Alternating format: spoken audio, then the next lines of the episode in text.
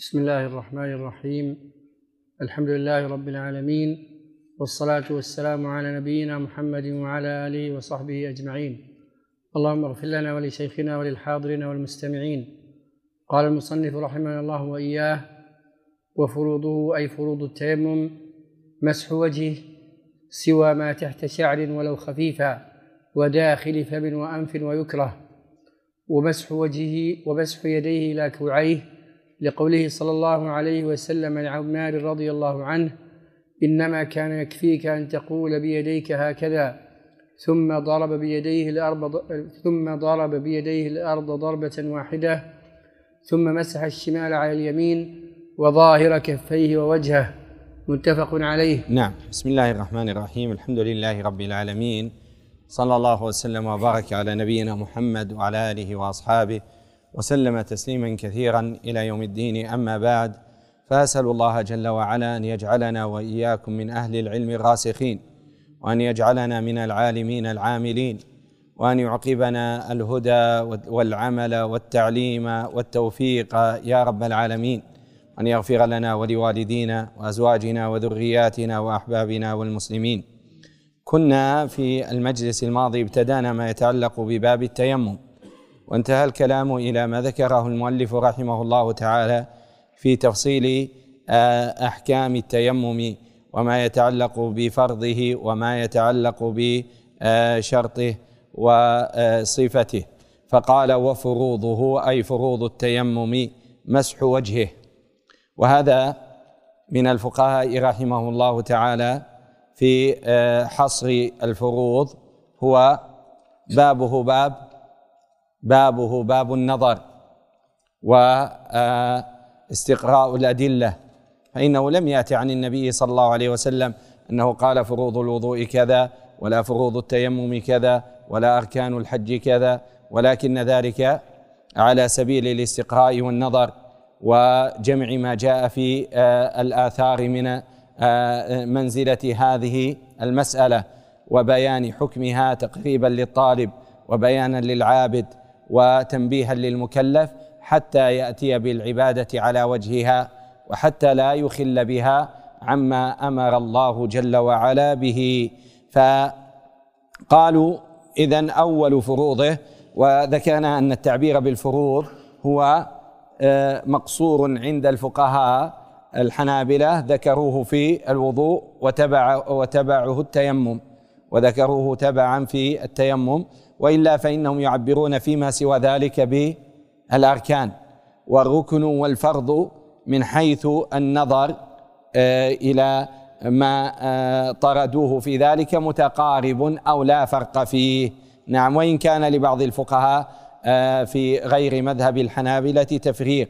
فقال مسح وجهه وهذا جاء في حديث عمار كما جاء في الآية فامسحوا بوجوهكم وأيديكم منه فلا شك.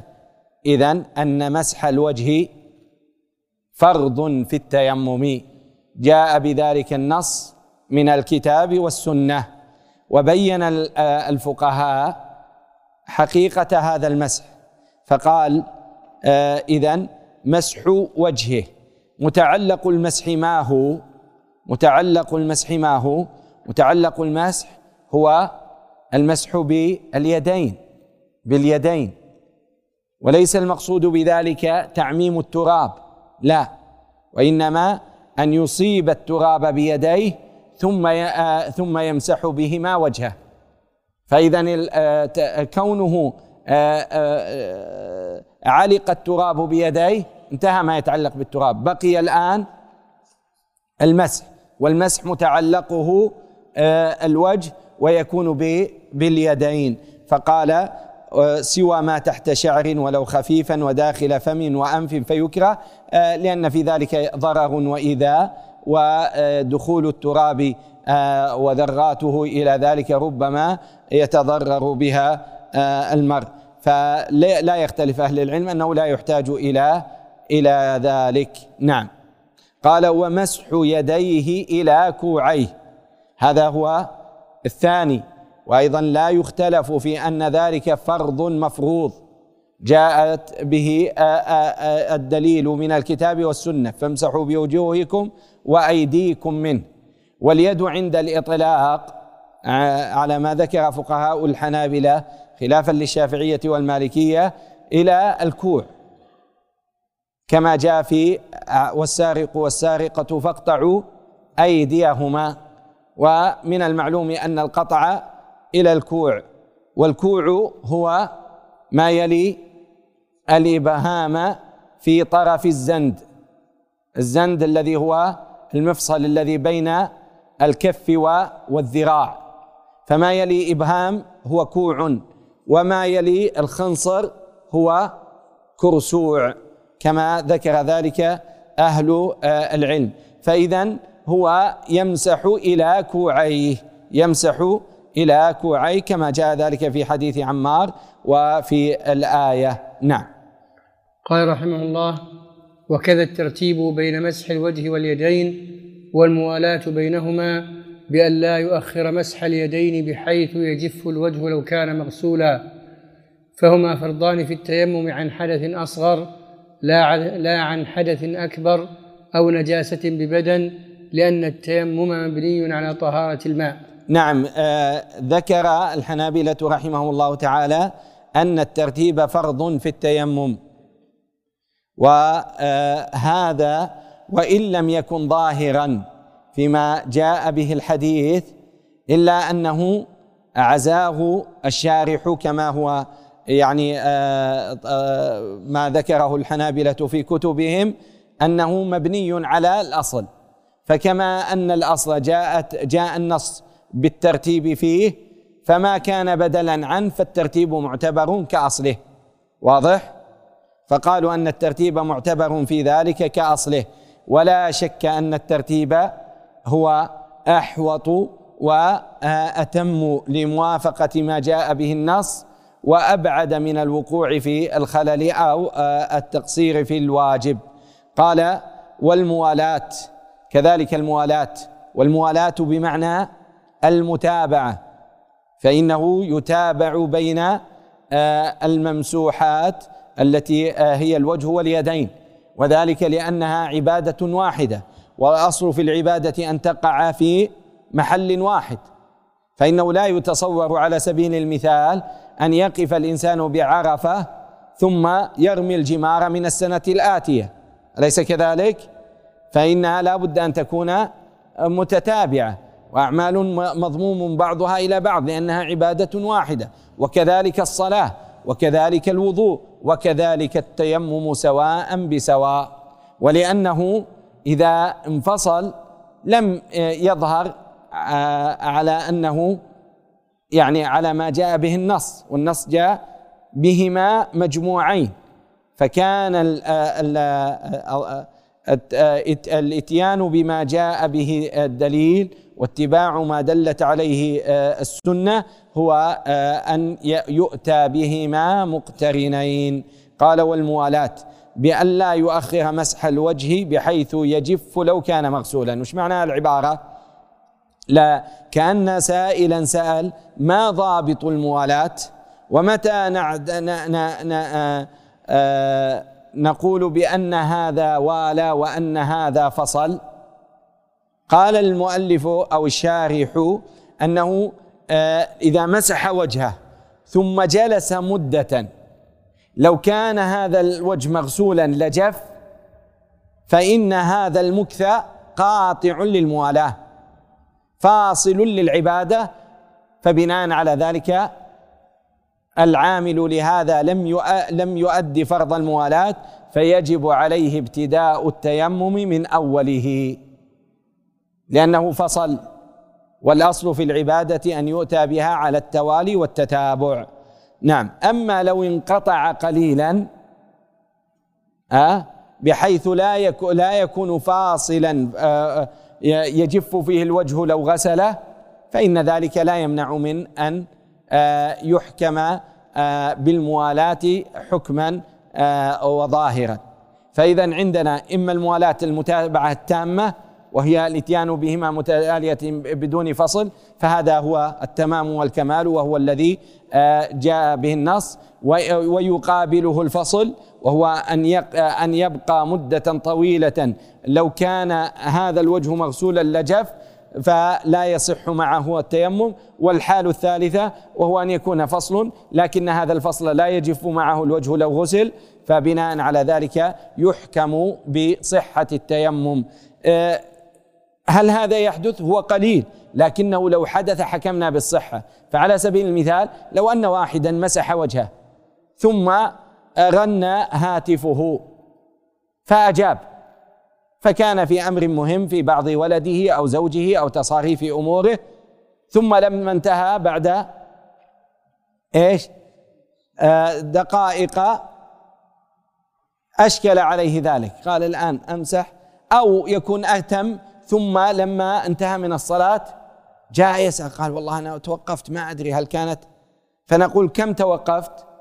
فإذا ذكر مدة على سبيل المثال عشرين دقيقة خمسة عشر دقيقة يجف فيها الوجه عادة في الزمن المعتدل فنقول من أنه انقطع. أما إذا كان ثلاث دقائق أو خمس دقائق أو نحو منها فإنه في الغالب أنه لا يكون فيه جفاف فيكون في ذلك تحقيق للموالاة. نعم. وتشترط النية لما يتيمم ثم قال عفوا قال في التيمم عن حدث أصغر. أيضا الحنابلة خصوا باعتبار الموالاة والترتيب عن الحدث الأصغر. لأنها لما كانت غير معتبرة في الحدث الأكبر آه، في آه، قول آه، الحنابلة وجمهور أهل العلم جعلوا التيمم تبعا لأصله. نعم. قالوا وكذلك لو كان عن نجاسة عن بدن. فإن سبق لنا أن قلنا أن الحنابلة لهم قول انفردوا به وهو أن التيمم يكون عن على النجاسة على البدن كما يكون عن الطهارة من الحدث. وهذا قول آه، يعني آه، انفردوا به أو من مفرداتهم. فإذا قلنا من أنه يتيمم لنجاسة البدن فلا يعتبر فيها ترتيب ولا موالاة كإزالة النجاسة ونحوها. فإذا مناط المسألة في هذا كله على القياس على الأصل. فما اعتبرت فيه اعتبر فيه الترتيب والموالاه اعتبر في التيمم وما لم يعتبر آه، في آه، أصل الطهارة بالماء لم يعتبر في بدلها وهو التيمم آه، إذا كان عن حدث أكبر أو كان في نجاسة بدن. واضح؟ نعم. وتشترط النية لما يتيمم له كصلاة أو طواف أو غيرهما من حدث أو غيره كنجاسة على بدنه فينوي استباحة الصلاة من من الجنابة أو الحدث فينوي استباحة الصلاة من الجنابة والحدث إن كان أو أحدهما أو أو عن غسل بعض بدنه الجريح أو نحوه لأنها طهارة ضرورة فلم ترفع الحدث فلا بد من تعيين فلا بد من التعيين تقوية لضعفه. نعم آه، مثل ما ذكرنا سابقا أن هذا أن التيمم مبيح لا رافع فهو لا يحصل به رفع الحدث. وإنما أكثر ما يفيد أن المتيمم يصح له فعل العبادة التي يشترط لها الطهارة مع آه، حصول أو ثبوت الحدث عليه. مع ثبوت الحدث عليه. سبق بينا هذه. قلنا أن الأحوال إما محدث وهذا لا يجوز له أن يصلي ولا آه، أن يمس مصحفا ونحو آه، آه، ذلك. وإما أن يكون متطهرا يجوز له أن يفعل كل ما تشترط له الطهارة من مس مصحف وقراءة قرآن وطواف وركعتين ونحو ذلك. والحالة الثالثة حال المتيمم بشرطه يعني إذا كان يباح له التيمم وهو أنه يعتبر الحدث باقيا عليه لكنه يجوز له فعل العبادة. فهي حال بين حال المحدث وحال المتطهر. واضح مشايخ؟ فهذا معنى قولهم بأنه مبيح لا رافع. فإذا آه، فعلى قولهم هم قيدوه بأحوال. فلأجل ذلك قالوا أنه لا ينوي رفع الحدث لأن الحدث ما يرتفع. ولو نواه لم يصح تيممه. بل ينوي ما أراد فعله من عبادة. فلذلك قال وتشترط النية لما يتيمم له كصلاة أو طواف. فإذا أراد الطواف آه، آه، تيمم للطواف. وإذا أراد قراءة القرآن تيمم لها أو مس مصحف. وإذا أراد مثلا أرادت المرأة الحائض التي انقطع حيضها ولا ماء آه، أن تتيمم. لأن تستباح لزوجها فكذلك. فإذا لا بد أن ينوي ما قصد لأجله فعل العبادة التي تشترط لها الطهارة. فإذا كان آه، نوى أمرين جاز بشرط أن ينويهما. يعني كأن ينوي مثلا آه، طهارة من حدث أكبر كجنابة ومن حدث أصغر. أو تيمم لأجل ما عليه من جنابة وما على بدنه من نجاسة واضح؟ فبناء على ذلك يقول آه، ينوي استباحة الصلاة من الجنابة والحدث يعني يقصد الحدث الأصغر إن كان أو آه، من نجاسة على بدن أو منها جميعا إذا كانت لكن لا لا يتأتى له نية, نية واحد ويكفي عن الآخر. فلو نوى عن الحدث الأكبر فإنه لا ينوي عن لا يكفيه عن الحدث الأصغر. ولو نواه عن آه، النجاسة على البدن لاحتاج أن يتيمم إذا أراد أن يصلي أو يطوف أو يقرأ القرآن ولو كان تيمم قبل دقيقة واحدة. واضح؟ نعم. قال أو عن غسل بعض بدنه الجريح ونحوه يعني إذا كان به آه، نجاسة أو كان لا يستطيع إيصال الماء إليها آه، لكونه يتضرر بذلك. نعم. قال رحمه الله فلو نوى رفع الحدث لم يصح. مثل ما قلنا إذن هو ينوي ما أراد فعله من مما تشترط له الطهارة. فهي لا ينوي رفع الحدث لأنه لا يحصل به رفع الحدث على المذهب فبناء على ذلك كانت هذه النية نية خاطئة فلم تفده شيئا بخلاف ما إذا قلنا من أنها أنه رافع للحدث كما هو الرواية الثانية وقول ابن تيمية وغيره واضح؟ لكن يهمك الآن آه، فهم ما يترتب على القول بأنه مبيح لأنه هو الذي يوجد فيه تفاصيل مسائل وتدقيقات لا لا توجد هذه التفريعات إذا قيل من أنه رافع للحدث آه، كطهارة الماء سواء بسواء. نعم. قال رحمه الله فإن نوى أحدها أي الحدث الأصغر أو الأكبر أو النجاسة بالبدن لم يجزئه عن الآخر لأنها أسباب مختلفة ولحديث وإنما لكل امرئ ما نوى. مثل ما قلنا قبل قليل. فإذا لا بد أن ينويها جميعا إذا كانت عليه في حال واحدة. وأما إذا غاب عن ذهنه أو ونحوه فإنما حصل تيممه لما نواه. فاحتاج أن ينوي مرة ثانية ما بقي عليه من نجاسة على بدن أو من حدث أصغر ثم بعد ذلك يفعل ما آه، أراد من آه، صلاة ونحوها. وإن نوى جميعها جاز مثل ما قلنا. يعني ليس آه، آه، يحتاج إلى أن يتيمم ثلاث مرات ما دام أنه نواها كل الثلاثة بنية واحدة أو في حال واحدة صح تيممه وكفاه عنها جميعا وجاز له أن يفعل ما يفعل وجاز له. ما نقول وارتفع حدثه وجاز له أن يفعل ما يفعله المتطهر من حدث أكبر كما جاز له أن يفعل ما يفعل. المتطهر من حدث أصغر ومن آه، من عليه نجاسة في بدنه فأزالها فإن بهذه النية يجوز له آه، أن يفعل ما قصده من العبادة. ليس كل شيء وإنما ما قصده من آه، العبادة وما دونها على ما سيأتي. نعم. لكن هنا يجب أن, تنب أن تتنبه لأمر. هو لو كان عليه نجاسة من حدث أصغر. آه عفوا لو كان عليه حدث أصغر. آه كأن يكون مثلا إيش؟ آه بال ونام ونحوها. فإذا نوى آه فعل الصلاة أو استباحة الصلاة للحدث الأصغر الذي لحق به فليس بالضرورة أن يستحضر أفراد الحدث الأصغر لا يحتاج إلى ذلك.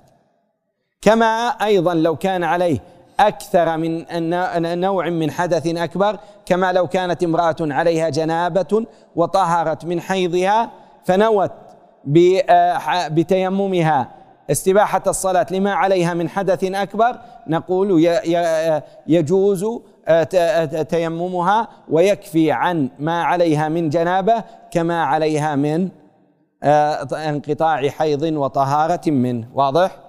نعم. وإن نوى جميعها جاز للخبر وكل واحد يدخل في العموم فيكون منويا. نعم. وإن نوى بتيممه نفلا لم يصل به فرضا لأنه ليس بمنوي. وخالف طهارة الماء لأنها ترفع الحدث. نعم هذا كله متفرع على ما ذكرنا من أنه استباحة. فيقولون إذا نوى شيئا لم يستبح ما فوقه. فمن نوى مثلا أن يصلي آه، سنة آه، الظهر الراتبة فتيمم لأجل ذلك لم يجوز له أن يصلي بها فريضة الظهر لأن الفريضة أعلى من النافلة.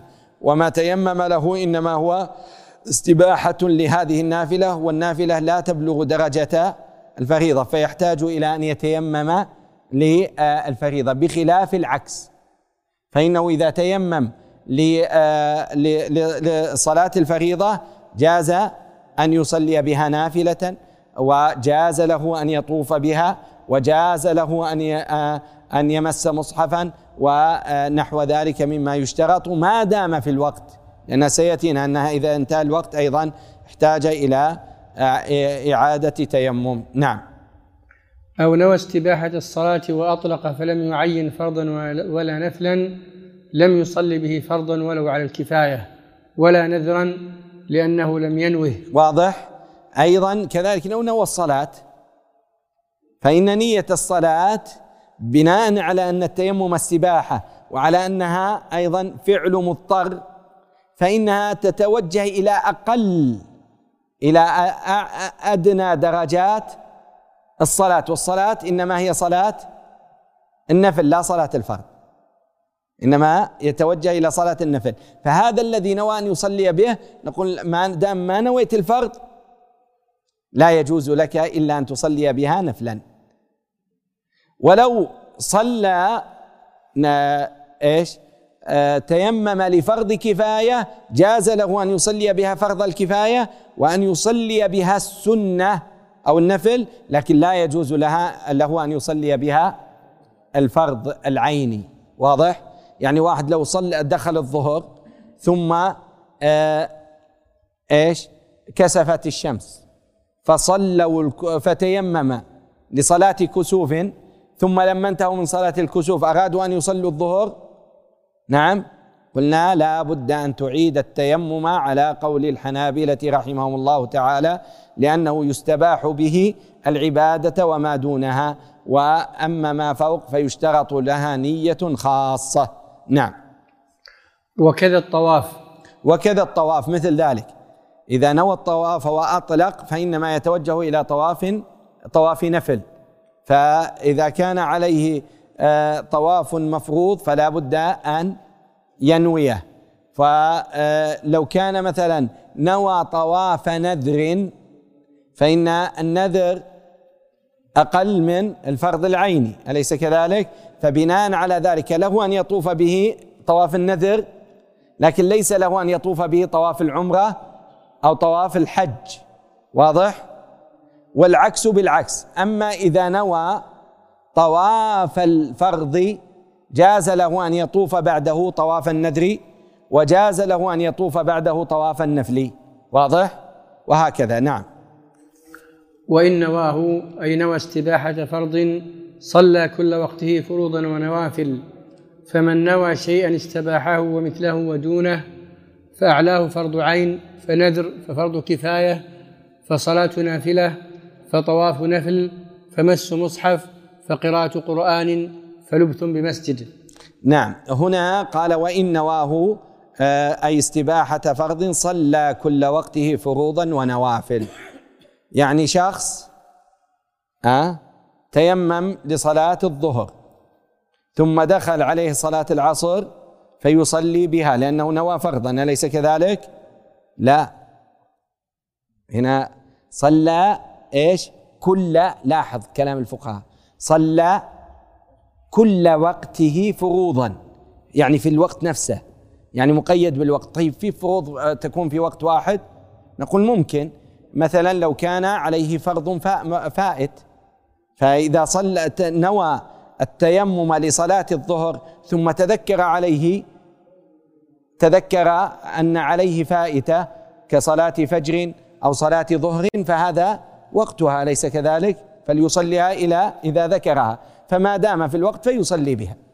فلأجل ذلك قال فروضا. أو كان مثلا آه، فرض آه، كفاية مثل ما قلنا في صلاة كسوف أو آه، نذر ونحوه. ثم أيضا يصلي بها ما دونها من النوافل. ما دونها من النوافل. ولذلك قال بعدها فمن نوى شيئا استباحه ومثله ودونه. هذه هي القاعدة. وهذا كله مفرع على على القول بأن التيمم مبيح لا رافع. قال فأعلاه. الفقهاء رحمه الله تعالى إذا آه، آه، بينوا الحكم فإنهم آه، يتبعون ذلك بكل ما يتعلق به حتى يكون المكلف على بصيرة. اذا لما كانت درجات إذا استباح بعضا لم يستبح شيئا فاحتاج المكلف إلى أن يعرف ما يدخل في كل ما نواه. فيقول المؤلف رحمه الله تعالى أعلاها فرض عين. فمعنى ذلك إذا تيمم لفرض العين كصلاة ظهر جاز له أن يطوف في ذلك الوقت طواف الحاج وجاز له أن يصلي بها النفل وجاز له أن يصلي بها فرض الكفاية وجاز له أن يصلي به آه، النذر آه، ما دام في الوقت وجاز له أن يمس مصحفا وجاز له أن يقرأ قرانا أليس كذلك؟ فكل ذلك داخل فيها. قال آه، فرض عين فنذر ففرض كفاية. نعم فصلاة نافلة أو فصلاة نافلة لأنها دون الكفاية ودون النذر. ثم قال فطواف نفل. وهنا فيه فجوة. فأين محل طواف؟ الفرض. لم يذكر. هل هي شيء واحد؟ هو طواف النفل؟ لا قطعا بناء على ترتيباته. ولأجل ذلك استدرك جملة من آه، الفقهاء فقالوا أن آه، أنه بعد صلاة النفل طواف فرض ثم طواف نفل. طواف فرض ثم طواف آه، نفل كما في شرح الإقناع وغيره. نعم. وهذا ظاهر على قاعدة الحنابلة وما طردوه.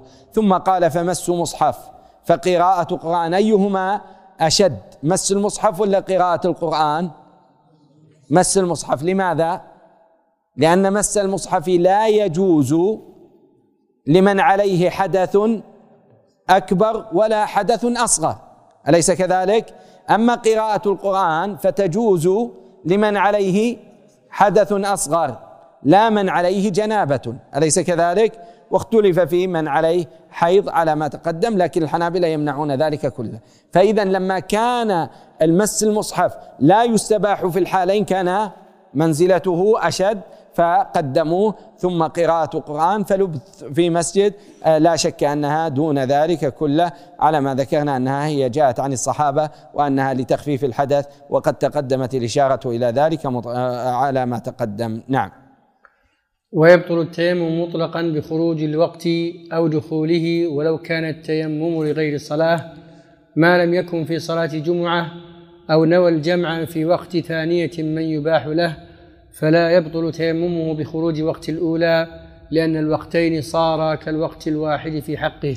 نعم آه، هنا قال ويبطل التيمم مطلقا بخروج الوقت.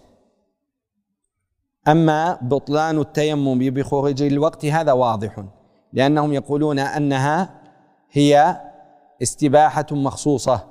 استباحة اضطرار أن التيمم هو جعل للإضطرار. كون الإنسان لا يستطيع استعمال الماء أو لا يجده وهو محتاج إلى هذه العبادة وهذه العبادة لا بد لها من الطهارة. فلما كان لا بد له من هذه الصلاة أو هذه العبادة وهي لا بد لها من الطهارة وهو لا يجد ذلك فإما أن يترك وإما أن يفعلها بغير طهارة فقالوا لا أنه يتيمم وإذا تيمم جاز له أن يفعلها وإن لم يكن متطهرا. واضح؟ هذا هو معنى كونه آه، أبيح للاضطرار. أبيح للاضطرار. لأن هذه العبادة لا بد لها من طهارة وهو لا يجد الطهارة. فما الذي ما الفعل الذي يسوغ له فعل العبادة مع كونه غير متطهر؟ هو فعل التيمم. على آه، ما ذكرناه من أنه مبيح لا رافع قوله ويبطل التيمم مطلقا بخروج الوقت. اذا فهمت ليش آه، بخروج الوقت؟ لأنه كما قالوا أنه للاضطرار فيكون محدودا بهذه العبادة في حينها في وقتها في ما احتاج إليه منها. لكن لما قال مطلقا يعني إشارة إلى ماذا؟ إلى مسألة مهمة وهي أنه لو تيمم شخص إيش؟ لقراءة القرآن. تيمم الساعة 12 الا 10 واضح؟ وأذان الظهر 12 وثمان دقائق مثلا. واضح؟ ف وهو يقرأ جاءت 12 وست دقائق. لا بأس. جاءت 12 وعشر دقائق أو ثمان دقائق تسع دقائق. نقول قف. التيمم الذي تيممت له انتهى الوقت. فلا بد من تيمم مع أن هذه عبادة ليست مخصوصة بوقت. لكن مع ذلك لما قال مطلقا يعني ما يعتبر له الوقت وما لا يعتبر. فكأنهم حملوها على الصلاة. يعني أنها مقيدة بقيود وأشبه ما يكون هذا القيد هو وقت الصلاة المفروضة واضح؟ واضح يا إخوان؟ لأنها مشكلة من أين أخذ ذلك الفقهاء؟ آه طبعا أخذوا من أن أنه جاء عن ابن عباس أنه إذا دخل أن من تيمم فدخل عليه وقت الأخرى فليتيمم واضح؟ ولذلك آه ابن تيمية رحمه الله تعالى وهو آه يعني آه، آخذ بالرواية الثانية عند الحنابلة الذي يقول من أن التيمم رافع للحدث مع ذلك يقول الأحوط لمن دخل عليه وقت آه، ثانية أن أن يتيمم لها واضح؟ واضح الآن؟ فلأجل ذلك حتى ولو قلنا من أنه آه، حتى ولو قيل من أنه رافع للحدث فإن التيمم بدخول الوقت الثانية يعني قريب جدا أو محل اعتبار آه، في أعلى الدرجات. حتى آه، على آه، عدم أو على القول الآخر ليس على الحنابلة. أما الحنابلة فشرط لا محالة. فشرط لا محالة. إذا قال بعدها بخروج الوقت أو دخوله ولو كان التيمم لغير صلاة. بخروج الوقت يعني مثلا شخص تيمم لصلاة الفجر. ثم جلس يقرأ القرآن طلعت الشمس. هذا خروج وقت ليس في دخول. فنقول تيمم. إذا جئت تصلي الآن آه، آه، أو تكمل قراءتك في المصحف تيمم. واضح؟ أو دخول الوقت يعني لو دخل عليه وقت الظهر أو نحوها. قال استثنوا من ذلك حالين. ما لم يكن في صلاة الجمعة؟ فيقولون أنه إذا كان في صلاة الجمعة فإن هذا لو كان لو دخل عليه الوقت يعني مثلا لو كانوا في صلاة جمعة وتأخروا فيها فلما انتهوا من الركعة الأولى خرج الوقت. الصلاة من حيث المتطهر أو الذي ارتفع حدث لا شك أنه أدرك صلاة الجمعة ولا غضاضة عليه ولا إشكال ويتمها. واضح؟ لكن واحد متيمم وأنتم تقولون إيش؟ إذا خرج الوقت بطل تيممه. فهذا يفضي إلى أنه سيحتاج إلى تيمم جديد.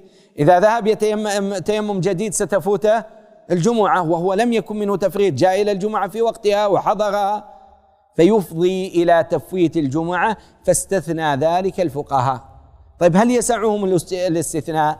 نقول الحنابلة رحمه الله تعالى لما كانت هذه المسألة مبناها على الاحتياط ها? فإنهم آه، فعلوا الاحتياط في كل ما يحتاط له. حتى إذا عارضت المسألة التي يحتاط فيها مسألة أقطع في آه، أقطع من من الجهة الأخرى فإن تفويت الجمعة أشد بلا إشكال. وظاهر ما فيه من النصوص آه، في تعظيم تفويتها وعدم فعلها. فلأجل ذلك تركوا الاحتياط هنا لمحل ما جاء من النص هناك. واضح؟ نعم. قالوا أو نوى الجمع في وقت ثانية من يباح له. يعني شخص يباح أول شيء يباح له الجمع. ونوى الجمع على الإطلاق؟ لا. نوى جمع التأخير. فبناء على ذلك يقولون إذا نوى جمع تأخير ها كشخص دخل عليه وقت صلاة الظهر فنوى أن يؤخر الظهر إلى العصر وهو ممن يجوز له الجمع كمسافر أو مريض. يجوز له الجمع. فتيمم.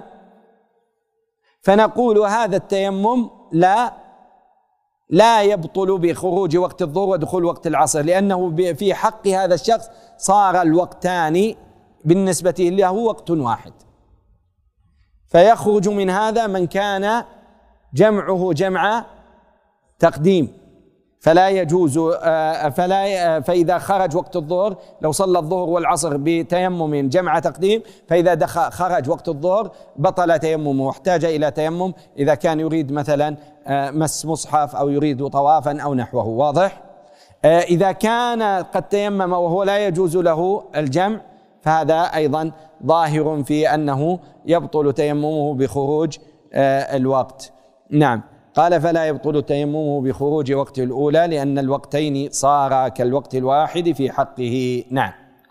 ويبطل التيمم عن حدث أصغر بمبطلات الوضوء وعن حدث أكبر بموجباته لأن البدل له حكم المبدل وإن كان لحيض أو نفاس لم يبطل بحدث غيرهما. نعم. إذا هنا شروع المؤلف رحمه الله تعالى فيما يتعلق بمبطلات التيمم. فما يبطل الحدث الأصغر يبطل ما يبطل الوضوء في الحدث من من نواقض الوضوء فهو مبطل للتيمم لا شك. فمن نام بطل تيممه ومن أكل لحم جزور بطل تيممه ومن آه، خرج منه آه، آه، من سبيله نقطة بول بطل تيممه. ومن؟ إيش؟ ومن؟ مثلا خرجت منه نجاسة من غير السبيل كثيرة فبطل تيممه وهكذا. إذا كل ما يبطل آه، أو تبطل به الطهارة آه، في طهارة الوضوء آه، من الحدث الأصغر فإنها يبطل بها التيمم. واضح؟ وكذلك بالنسبة للحدث الأكبر كل ما حصل عليه من موجبات الحدث الأكبر فإنه فإنها مبطلة للتيمم. فلو تيمم شخص ثم آه، أجنب دفق ماؤه بشهوة بنظر أو بمماسة أو بغير ذلك بطل وضوء ومن آه، أيضا آه، أحدثت آه، بحيض فبطل تيممها وهكذا. واضح؟ نعم فلأجل ذلك قال المؤلف وعن حدث أكبر بموجباته وعن حدث أكبر وعن حدث أكبر بموجباته لأن البدل له حكم آه، المبدل ولا يختلف في ذلك. لكن هنا مسألة مهمة وهو أن ما تيمم له الإنسان إذا انتقض بآخر لا يضر. على سبيل المثال لو أن امرأة إيش؟ تيممت لانقطاع دم حيضها ثم ليأتيها زوجها ثم بعد ذلك أجنبت أو أحدثت حدثا أصغر فهي تتيمم للحدث الأصغر ولا يحتاج أن تعيد ما تيممته من أجل الحدث الأكبر. لا انتهى. فيجوز لزوجها آه، حتى ولو بعد الحدث الأصغر وقبل تيممها أن يأتيها لأنها ما دام تيممت عن الحدث الأكبر فقد استبيح كل ذلك في كل أحوالها. ما لم يأتيها حيض. ما لم يأتيها حيض يمنعها أو يمنع زوجها من إتيانها ثم تطهر منه. واضح؟ قال ولذلك قال وإن كان قريت هذه؟ وإن كان لحيض أو نفاس لم يبطل بحدث آه، غيرهما مثل ما قلنا بالمثال المتقدم. يعني لو أنه مثلا آه، امرأة إيش؟ الآن حتى يعني تكون الصورة واضحة بدقة. آه، الآن هي طهرت من حيضها فلا يوجد ماء أو لا تستطيع استعمال الماء فتيممت. ثم قبل أن يأتيها زوجها يعني آه ذهب خرجت منها ريح. نقول تعيد التيمم لأجل أن يأتيها زوجها؟ لا. لا. آه قد استبيح لها الوطء وجاز لها ذلك وأنه لا يرتف لا يذهب هذا إلا بعود دم الحيض مرة أخرى ثم طهرها منه فتحتاج إلى تيمم آخر. نعم. ويبطل التيمم أيضا بوجود الماء المقدور على استعماله بلا ضار إن كان تيمم لعدمه وإلا, وإلا فبزوال مبيح من مرض ونحوه. نعم. إذا هذا شيء زائد على مبطلات التيمم وهو وجود الماء.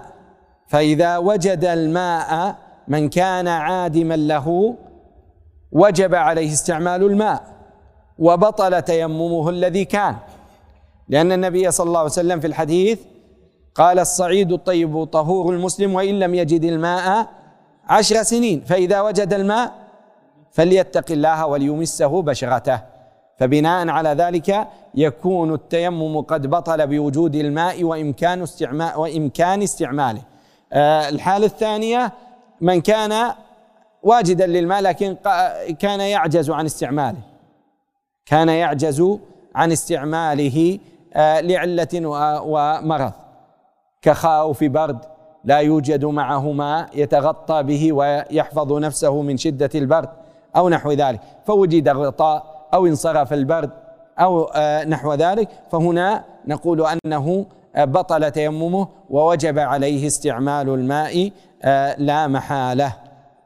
ولذلك قال إن كان تيممه لعدم مثل المثال الأول وإلا فبزوال مبيح من مرض آه، ونحوه في كما في المثال الثاني. نعم. ولو في الصلاة فيتطهر ويستأنفها لا إن وجد ذلك بعدها فلا تجب إعادتها. وكذا الطواف. نعم هذه مسألة قال ولو في الصلاة فيتطهر ويستأنفها. آه هذه من المسائل التي آه، يشير كلام المؤلف إلى شدة الخلاف فيها. لا في المذهب فحسب بل بين الفقهاء على اختلاف مذاهبهم. فإن آه، عادم الماء أو آه، أو غير القادر عليه إذا قدر على الماء قبل الشروع في الصلاة فبإجماع أهل العلم أنه يجب عليه الاستعمال ولا يدخل في الصلاة إلا بعد الاستعمال. كما أنه إذا انتهى من الصلاة نعم بتيمم ثم وجد الماء. وقد صلى بتيمم وهو معذور ممن يجوز له استعمال فلا يعيد آه، الصلاة في قول عامة أهل العلم.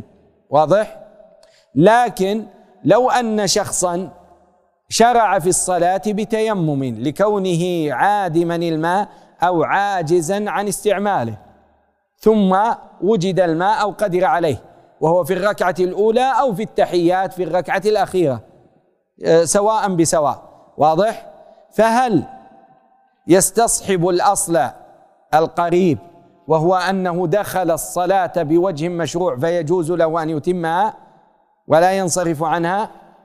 أو يستصحب أن الصلاة واجبة في ذمته بطهارة كاملة وقد قدر عليها فيلزمه أن آه، آه، ولم ولم تنزل من ذمته لم آه، يتخفف منها بفعلها فيعود فيتوضأ خلاف بين الفقهاء. لا شك أن القول من أنه دخل على وجه مشروع له اعتباره وقوته لكن على طريقة الحنابلة رحمه الله تعالى أن هذا القول أحوط وأسلم.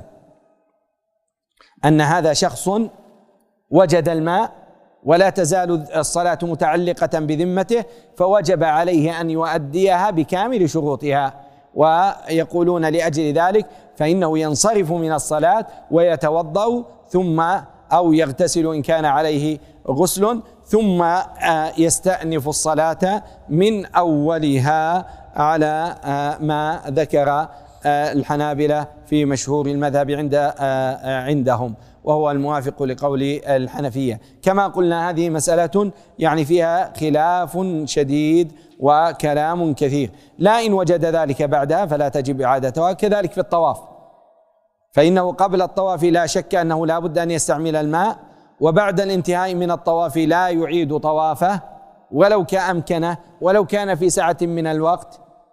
نعم ولو كان يسيرا عليه لا يلزمه الإعادة. لكن لو أمكنه استعمال الماء في أثناء الطواف الذي تيمم به له فنقول أن آه، المشهور من المذهب أنه يوقف طوافه ويعيد طهارته ثم يستأنف الطواف من أوله لأنه وجب عليه على وجه التمام وأمكنه فعل ذلك فلم يجز بتيمم بدلي أو ببدل الماء من الاستباحة بالتيمم وفعله في تلك الحال. نعم.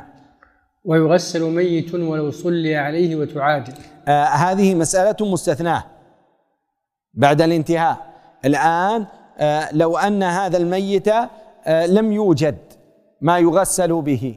فيمم ثم كف وجعل ما جعل عليه من حنوط وطيب وغيره وصلي عليه. فيقول المؤلف رحمه الله تعالى أنه لخصوصية ذلك لأنه يطلب فيه كمال التنقية والتنظيف حتى يقدم على ربه في أتم أحواله. يقولون من, من أنه آه إيش؟ آه أنها آه يعاد تغسيله والصلاة عليه ثم يدفن بعد ذلك. لأن تغسيل الميت يطلب فيه آه تمام النظافة وكمال النقاء الذي يقبل به على الله جل وعلا. نعم. والتيمم آخر الوقت المختار المختار لراج الماء أو العالم بوجوده ولمن استوى عنده الأمران أو لا. لقول علي رضي الله عنه في الجنب يتلوم ما بينه وبين آخر الوقت فإن وجد الماء وإلا تيمم. نعم. هذه مسألة مهمة وهي آه، من كان عادما للماء. من كان عادما للماء. وحضرته الصلاة. فهل يبادر إلى الصلاة بالتيمم ليدرك فضيلة الوقت؟ أو أنه ينتظر؟ لتحصيل آه، لعله أن يحصل الصلاة بتمامها آه، بالطهارة بالماء التي هي آه، معتبرة أصالة وشرط من شروطها. فيقول المؤلف لا يخلو الحال. إن كان يتحقق أن الماء لا يوجد فلا شك أنه يصلي إدراكا لفضيلة الصلاة في أول الوقت. فإذا كان يظن أو يتوقع أو يرجو حصول الماء فما الحال؟ فالمشهور من المذهب عند الحنابلة أنه إذا كان يرجو يعني بمعنى الرجاء هنا الظن الغالب أنه يظن ظنا غالبا. واضح؟ آه أو يتحقق. من باب أولى أو استوى الأمران فإن الانتظار أولى. لماذا؟ لأنهم يقولون وإن فات عليه فضل الصلاة في أول وقتها إلا أنه يرجو إدراك الصلاة بشرطها الذي هو طهارة الماء وذلك أعظم. والحنابلة رحمهم الله تعالى استندوا في ذلك إلى ماذا؟ إلى أيضا قول الصحابي وهو قول علي الذي يعتبر قوله أيضا يعني آه، مما يظن أن أن يشهر ويظهر. فهو أقوى وسنة الخلفاء الراشدين وهم آه، أعظم في الاتباع والاقتداء. واضح؟ فلأجل ذلك قالوا أنه في في فيما سوى تحقق عدم الماء فإن انتظار الصلاة إلى آخر الوقت المختار. ما يؤخرها إلى وقت الضرورة. ووقت الاضطرار ليست كل الأوقات لها وقت آه، آه، آه، اختيار وإنما التي لها التي لها وقت اضطرار وقتان. وقت العصر من اصفرار الشمس إلى غروب الشمس والعشاء من نصف الليل إلى طلوع الفجر. واضح؟ فهذا قوله. على كل حال هنا مسألة تذكرون قلنا لكم أن البحث عن الماء آه، ذكره الفقهاء على ما آه، يعني آه، على الصفات التي يحتاجون إليها. في هذا الوقت ما الحد أو ما القدر الذي تبرأ به ذمة الإنسان أن ينتقل من طهارة الماء إلى التيمم إذا كان في البرية أو إذا كان عادما للماء. عندنا مسألة ظاهرة. إذا تحقق عدم وجوده ولا يمكنه تحصيله إلا بعد خروج الوقت فلا إشكال في أنه يتيمم ويصلي. واضح؟ المسألة الثانية إذا كان يمكن وجود الماء لكن ذلك يقطعه عن طريقه. وعليه كلفة بعيدة ليس مما يمكنه البحث عنه. ولذلك قالوا يبحث في رحلة ما جرت عادته في أموره الدنيوية أن يذهب إليها كاحتطاب وجمع شيء يحتاج إليه. نعم. فإذا كان هذا آه، قدر يحول بينه وبين حاجته التي يسير فيها فلا شك أنه يتيمم في مثل تلك الحال. لكن أيضا في هذه الصورة يحتاج يعني فيما مضى القدر الذي يذهب إليه الحاطب أو الذي يبحث عن بعض آه، ما يأكله أو نحو ذلك آه، له حد قريب. طيب الحد الآن خاصة مع وجود السيارات كم؟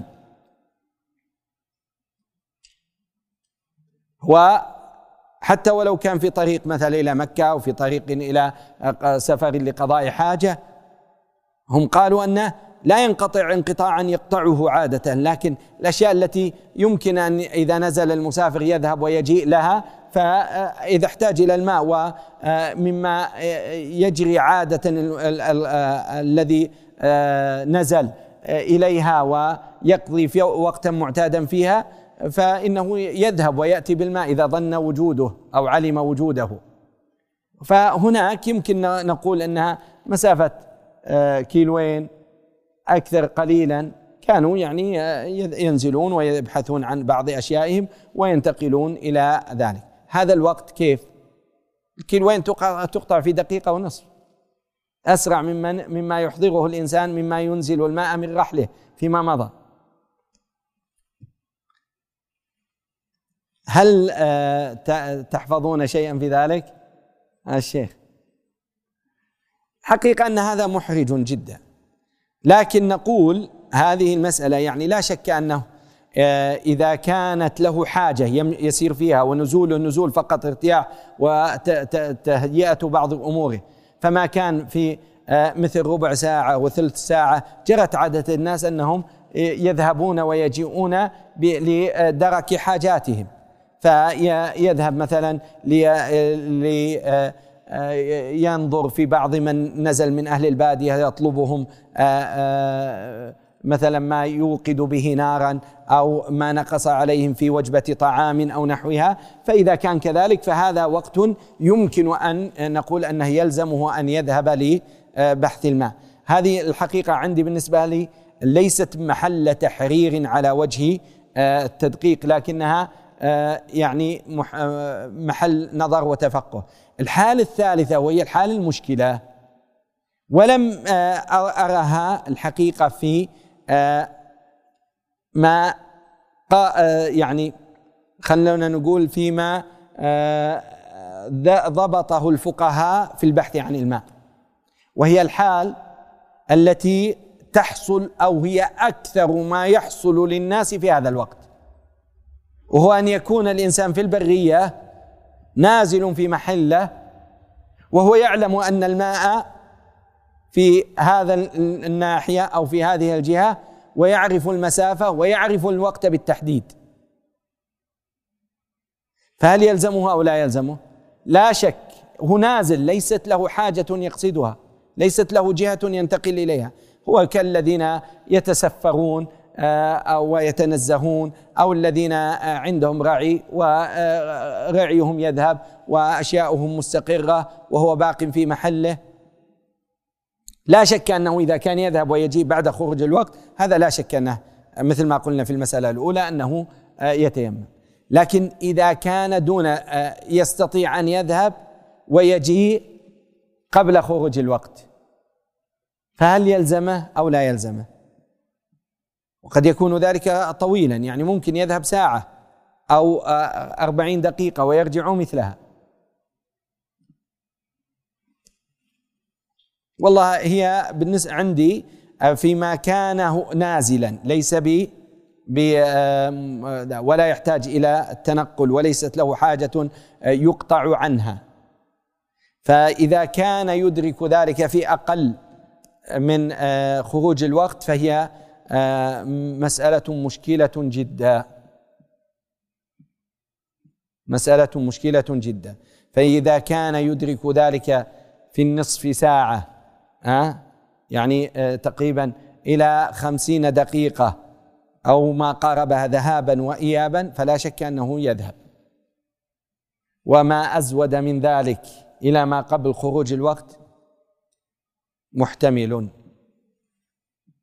في شيء عندكم أفيدونا. ليس عندكم شيء فما تصلون إليه من شيء في هذا فلعلنا أن نعرض له في مجلس قادم بإذن الله جل وعلا. نعم. قال رحمه الله وصفته أي كيفية التيمم أن ينوي كما تقدم ثم يسمي فيقول بسم الله وهي هنا كوضوء إذا المؤلف رحمه الله تعالى مثل ما ذكر المؤلف رحمه الله آه، أو المؤلف رحمه الله لما آه، ذكر الفروض آه، أعقب ذلك بالصفة. لأنه المكلف قد يعرف الفروض لكن لا يعرف طريقة فعلها وما يحصل به تكميلها. فلأجل ذلك قال وصفته الصفة هي كيفية فعل فعل ذلك. قال أن ينوي. فإذا النية آه، عبادة آه، التيمم عبادة والنية مشترطة لكل عبادة وهي سابقة لأي عمل فيها فبناء على ذلك لا بد أن يكون ناويا عند ابتداء التيمم.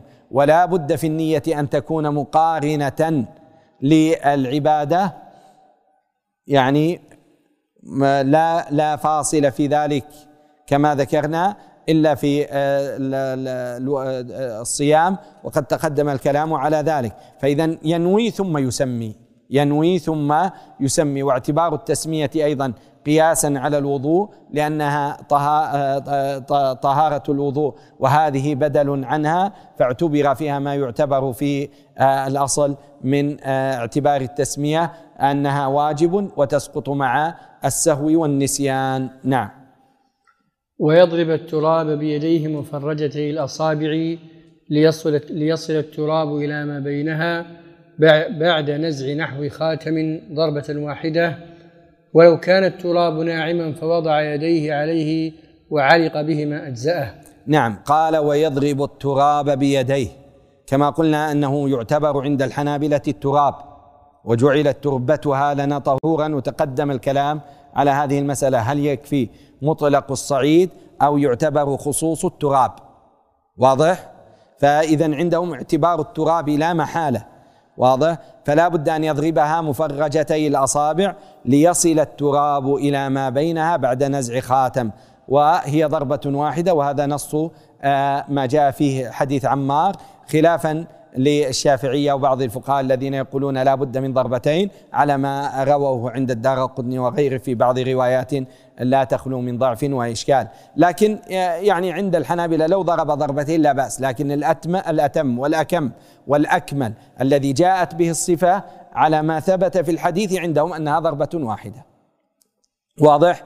ولو كان التراب ناعما يعني فوضع يديه فعل وعلق بهما أجزاه إذن ليس المقصود حصول الضرب لكنه علوق التراب. يعني أن يعلق التراب بباطن كفيه. واضح؟ وهنا يلحظ أن أكثر أن أكثر من يتيمم في هذا الوقت لا يصلون إلى تحقيق هذا القدر وهو حصول التراب في اليد. يعني يضربون ضربة في أشياء يعني قل أن يثور غبارها وإذا ثار غبارها فهي أثر غبار لا يلحق لا لا يمسك باليد. فعند ذلك نقول لابد إذن من تحقق حصول التراب في آه، باطن كفه. فكيف ما حصل؟ سواء بقوة ضربة أو بنعومة تراب آه، آه، جعل يديه عليه فلحق التراب به. نعم. يمسح وجهه بباطنها أي باطن أصابعه ويمسح كفيه براحتيه استحبابا. فلو مسح وجهه بيمينه ويمي فلو مسح وجهه بيمينه ويمينه بيساره أو عكس صح.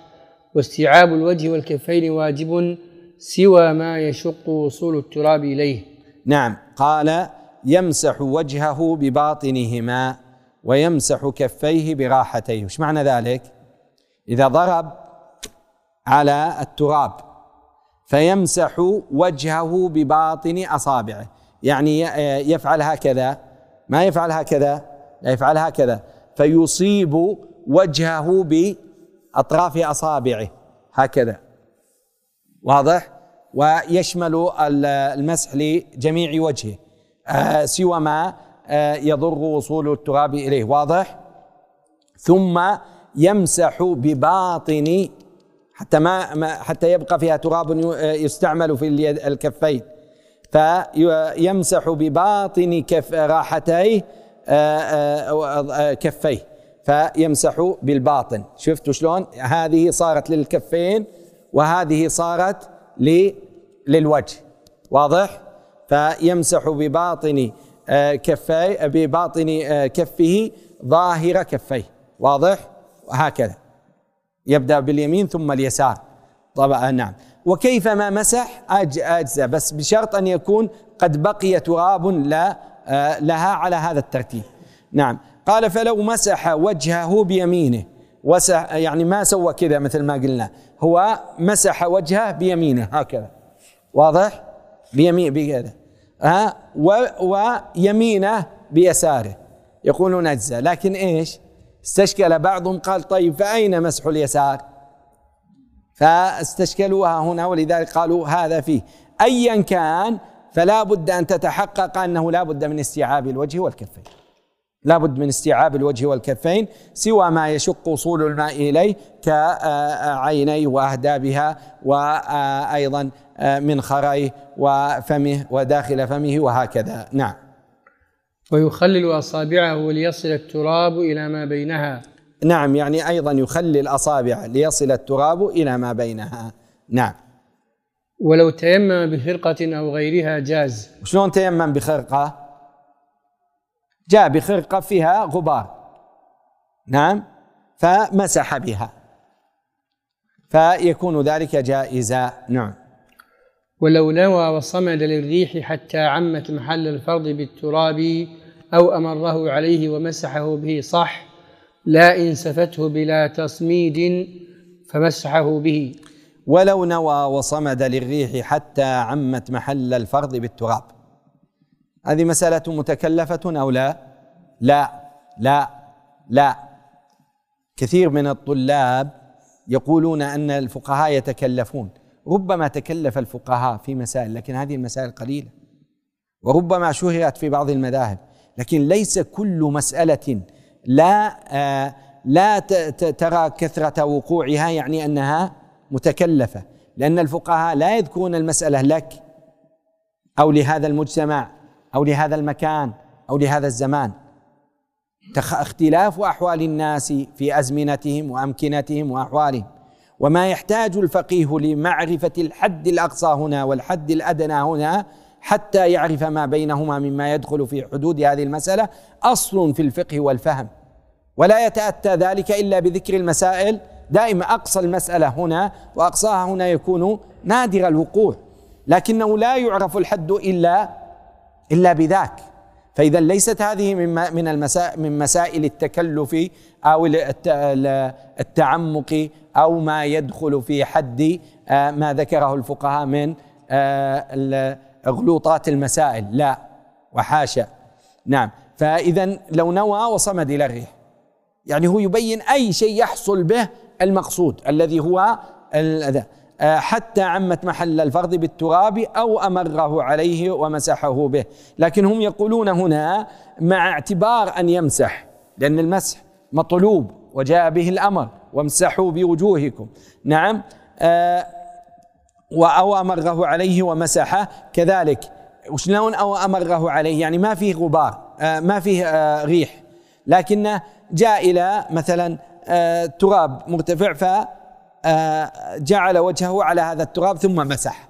يعني التراب أصاب وجهه ثم مسحه حتى يعم. فيقولون يحصل به ذلك المقصود. لا انسفته الريح بلا تصميد فمسحه. يعني إذا وصل التراب إلى وجهه بدون أن يقصد هو ذلك هنا وصل التراب قبل النية.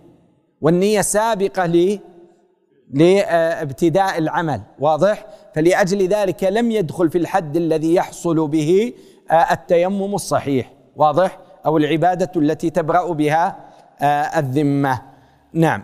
آه، لعلنا نكتفي بهذا. في مسألة أنا ذكرتها الآن في المبطلات أن الفقهاء ذكروا أنه لو تيمم شخص ثم خلع عمامته أو جبيرته أو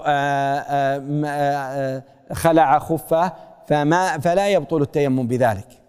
لأن التيمم لا يدخل في آه، يعني مسح هذه الأشياء فتيممه صحيح ولا يضره ما خلعها آه، من ما خلع من عمامة أو ما أزال من جبيرة أو ما آه، خلع أيضا من خف أو جوارب ونحوها. أسأل الله لنا ولكم التوفيق والسداد. والله تعالى أعلم وصلى الله وسلم على نبينا محمد.